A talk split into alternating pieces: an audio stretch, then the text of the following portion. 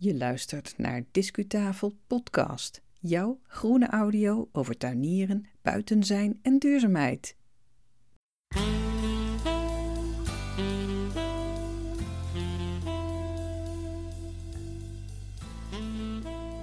Daar zijn we weer met een nieuwe aflevering van Discutafel Podcast. En jij bent er ook. Hartstikke leuk.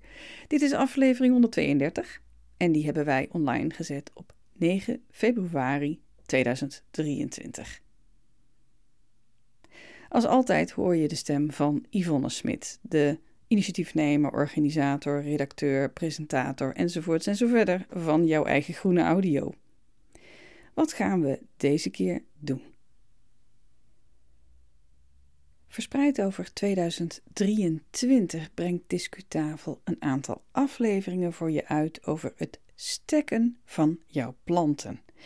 Als natuurvriendelijk tuinier wil je dat natuurlijk op een zo ecologisch mogelijke manier doen, met zo min mogelijk materialen en toevoegingen. We hopen je hierbij te helpen. Hierbij bieden we je de kennis aan die past bij onze eigen ervaringen. En als we ergens geen ervaring in hebben, dan zullen we dat er ook even bij zeggen. Vertrouw daarnaast vooral op je eigen inzichten en ervaringen. Je hoeft niet alles direct te onthouden wat je nu gaat horen. Je kunt een deel van onze informatie teruglezen in DiscuPost. En krijg je DiscuPost nog niet, dan nodig ik je uit om je aan te melden via discutafel.nl. Dan krijg je na aanmelding de DiscuPost gratis in je mailbox en dat is dan uh, ongeveer 4 tot 8 keer per jaar.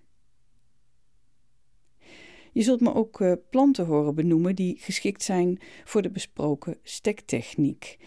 En die planten die zijn eigenlijk bedoeld als voorbeeld. Ik zal ze vermelden in de shownote die past bij deze aflevering. Dus ga naar discutafel.nl om in de shownote de voorbeelden nog eens na te slaan. Soms grijpen we in onze informatie over stekken ook terug op eerdere podcasts of op blogs die we hebben gepubliceerd. Bijvoorbeeld als het gaat om je eigen grondmix. In die uh, podcasts of in die blogs leer je iets over de zin en onzin van een eigen grondmix en over de bestanddelen ervan. Dat gaan we nu niet allemaal herhalen, maar in discuslot aan het einde van de aflevering uit alle afleveringen uit de serie zeg maar over stekken. In discuslot hoor je in grote lijnen waar je iets kunt terugluisteren of teruglezen over die eigen grondmix. Nou, er zijn diverse soorten stekken met bijbehorende methoden en in elke aflevering staat één steksoort centraal. De vraag is: wat gaan we deze keer bespreken?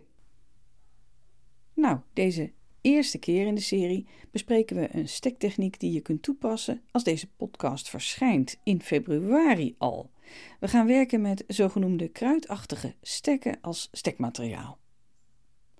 We gaan eerst de voorbereiding bespreken, die in de basis hetzelfde is, ongeacht het soort stek. Dus die voorbereiding die hoor je in alle afleveringen over stekken. Daar gaan we.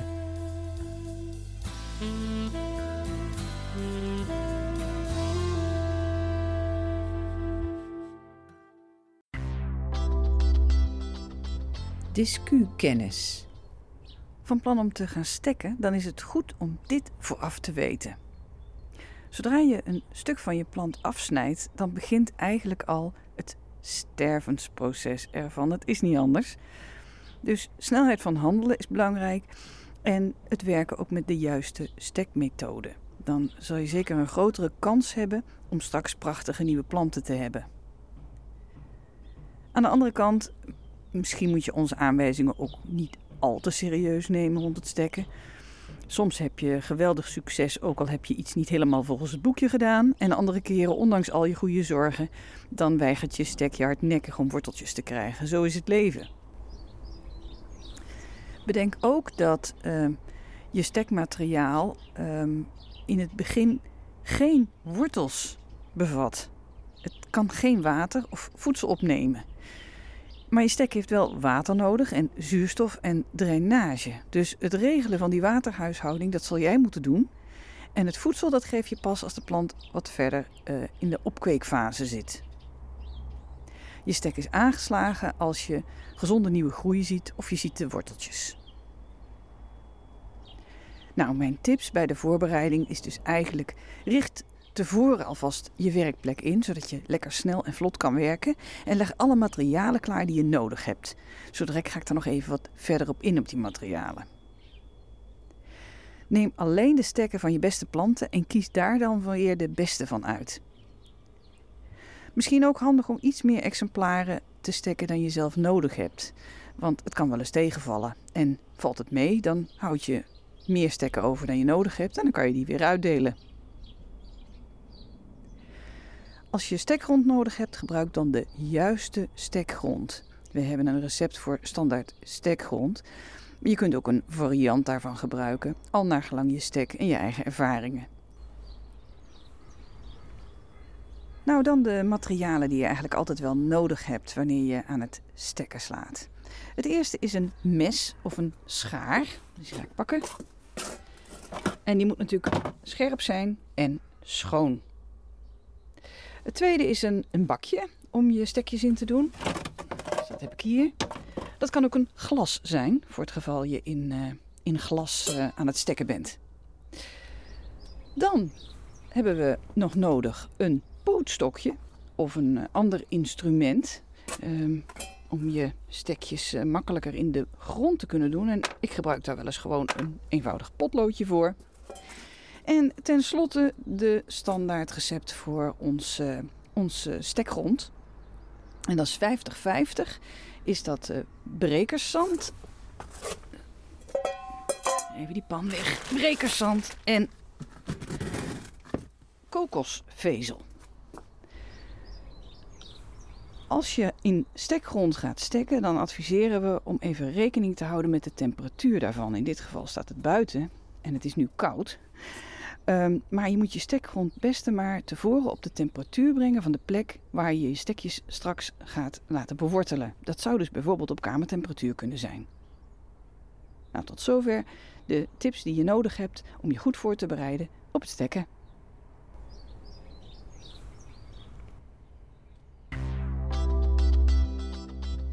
Discu-tips.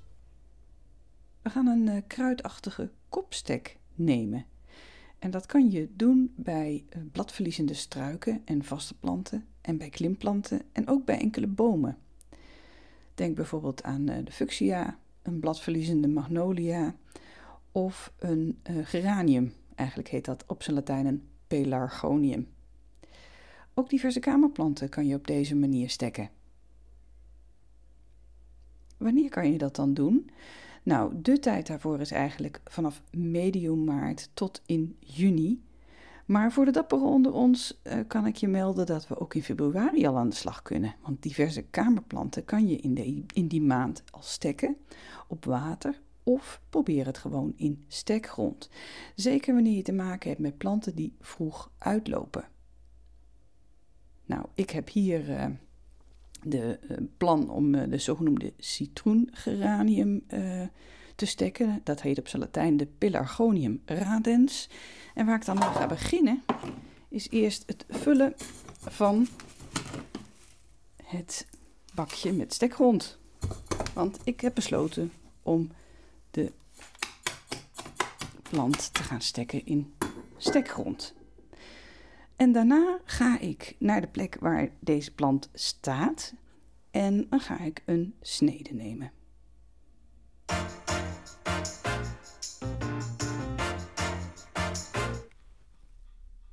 Nou, ik sta intussen bij mijn eh, plant die ik eh, wil gaan stekken. En dan ga ik op zoek naar de, de jonge, buigzame scheuten van, uh, van deze plant. En hij mag geen bloemen dragen. Hij is heel zacht en hij is eigenlijk net in een groeifase gekomen. Dus uh, hier heb ik hem. Zo'n scheut is heel kwetsbaar, dus dat is uh, heel goed opletten.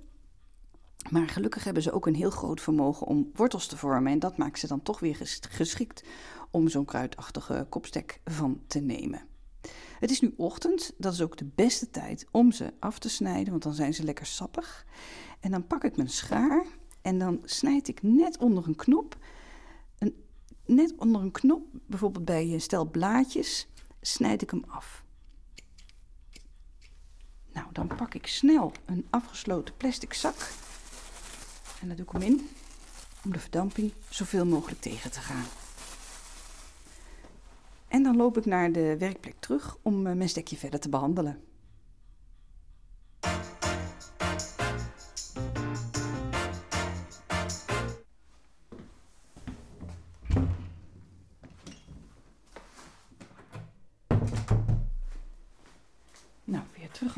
Werkplek.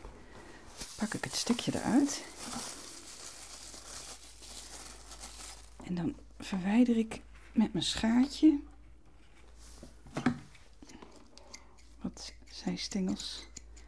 En dat is dan vooral vanaf de onderste helft van mijn stekje. Dus hij is aan de onderkant kaal en aan de bovenkant zitten nog wat blaadjes, maar ik haal er toch wat weg. Want het is iets te veel. En dan beperk ik uh, de verdamping. Hij heeft immers nog geen wortels zo direct, dus uh, ja, dat verdampt gewoon veel te snel. Dan pak ik mijn pootstokje, maak er een gaatje in de bak. En dan zet ik heel voorzichtig mijn stekje diep in, dus het kale stuk bijna helemaal erin. Tegen de rand van de pot. Ik hou de blaadjes boven de grond dus die er nog zijn. En ik heb er nou één in een bakje, maar als ik er meer in zou doen, dan moet ik ervoor zorgen dat die stekken elkaar niet raken. Dan geef ik heel lichtjes een beetje water. Soms heb ik het de stekgrond tevoren al een beetje vochtig gemaakt en dan hoeft dat niet echt. Ik zorg dat de grond goed rondom het stekje zit. Ik heb al een etiketje gemaakt, beschreven met de naam van de plant en aan de achterkant een code waardoor ik weet wanneer ik hem gestekt heb. En dan pak ik snel mijn transparante kap en die zet ik op het plantje om de vochthuishouding goed te bewaken. En ehm, dan, ehm, dan zet ik hem op een, uh, op een lichte plek, maar niet in de volle zon. En ik houd hem heel goed in de gaten.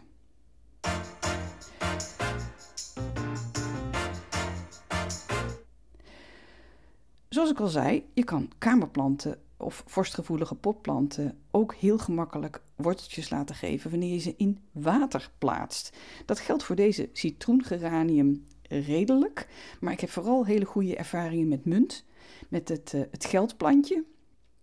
Misschien weet je niet wat dat is, want die naam is niet zo heel bekend. Maar ik vrees dat de Latijnse naam je ook niet zo bekend voorkomt, want dat is Plectranthus verticulatus. Ik zal een uh, fotootje ervan uh, plaatsen bij de shownote van deze aflevering. Dan, dan, herken je hem misschien wel. En ook de spiraalvrucht of de streptocarpus, die kan je goed in water stekken. Nou, wat je dan doet, um, je pakt een potje met, en dat vul je met water. En die moeten kamertemperatuur hebben als het om kamerplanten gaat natuurlijk. En ook hier ga je de bestaande blaadjes, um, die houd je boven het water. En je zorgt dat de onderkant van de blaadjes, um, onderkant van het steeltje, dat dat, uh, dat dat kaal is. Hoe verzorg je nou je planten tijdens die eerste fase van die, dat die van kruidachtige kopstek naar een klein plantje gaat worden?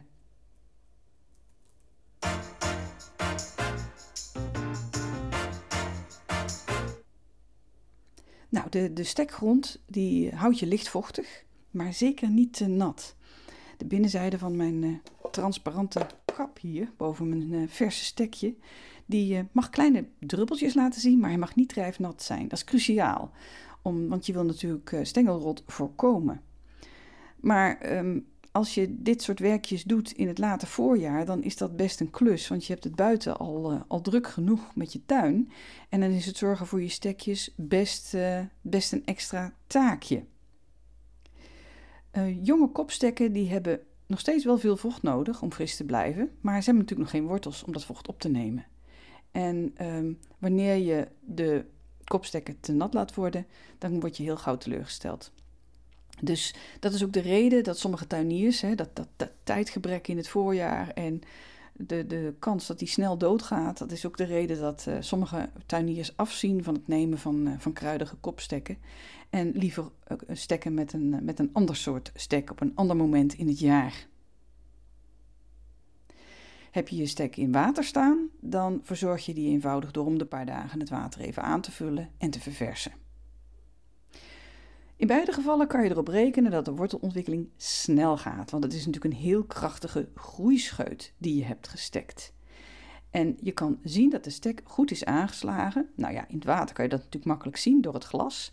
En bij uh, de plant in de stekgrond zie je het wanneer die um, echt een goede groei laat zien. Wanneer die echt gezonde groene groei laat zien. Gebruik als oppotgrond voor de volgende fase een potgrondmix, een eigen potgrondmix van jezelf wellicht, maar die verdun je een beetje. Je doet er wat, die zorgt dat er wat minder voeding in zit dan in de potgrond die je normaal gesproken gebruikt om een jaar lang je pot in te zetten. En gebruik vooral een klein potje. Want je kleine plantje die heeft niet zo heel veel ruimte nodig, die moet zich nog verder ontwikkelen. En het is niet goed voor het wortelstelsel wanneer die ineens in een hele grote ruimte komt. Dus neem een potje wat net ruimte van een vinger breed, ongeveer een vinger dik moet ik zeggen, heeft rondom en onder het bestaande wortelstelsel. En dan heeft hij een goede ontwikkelmogelijkheid. En op termijn zet je hem in een iets grotere pot. En zo ga je door totdat hij telkens, uh, totdat hij op een gegeven moment op je definitieve plek staat, op de vensterbank of in de tuin. De grond die ga je steeds meer voeding geven. Uiteindelijk kom je uit op 100% potplanktonmengsel volgens jouw wensen en ervaring. En als die heel lang in pot blijft staan, dan ga je natuurlijk ook voeding erbij geven. Discuslot. Nou, tot zover deze aflevering. Boordevol tips en informatie over het nemen en verzorgen van kruidachtige kopstekken. Zoals gezegd kan je via Discupost en discutafel.nl een aantal zaken nalezen en terugluisteren. En ook in de toekomst zal er nog het een en ander op de website over verschijnen. Wil je onze eerdere podcasts en blogs terugvinden over eigen grondmixen, daar was even sprake van, ga dan op de website naar de groene blogs en klik dan in de zogenoemde woordenwolk op het thema grond. Op je scherm verschijnt dan een reeks show notes en blogs die je verder kunnen helpen. Heb je nog vragen? Heb je een kritische noot? Of wil je ervaringen delen? Nou, dat is allemaal van harte welkom. Onze contactgegevens staan ook op discutafel.nl natuurlijk. Dankjewel voor het luisteren. De volgende aflevering zal een Engelstalige zijn en die gaat waarschijnlijk over guerrilla gardening. Ik zou zeggen, blijf gewoon aan de lijn en we spreken elkaar weer. Ga intussen lekker naar buiten. Graag tot de volgende keer.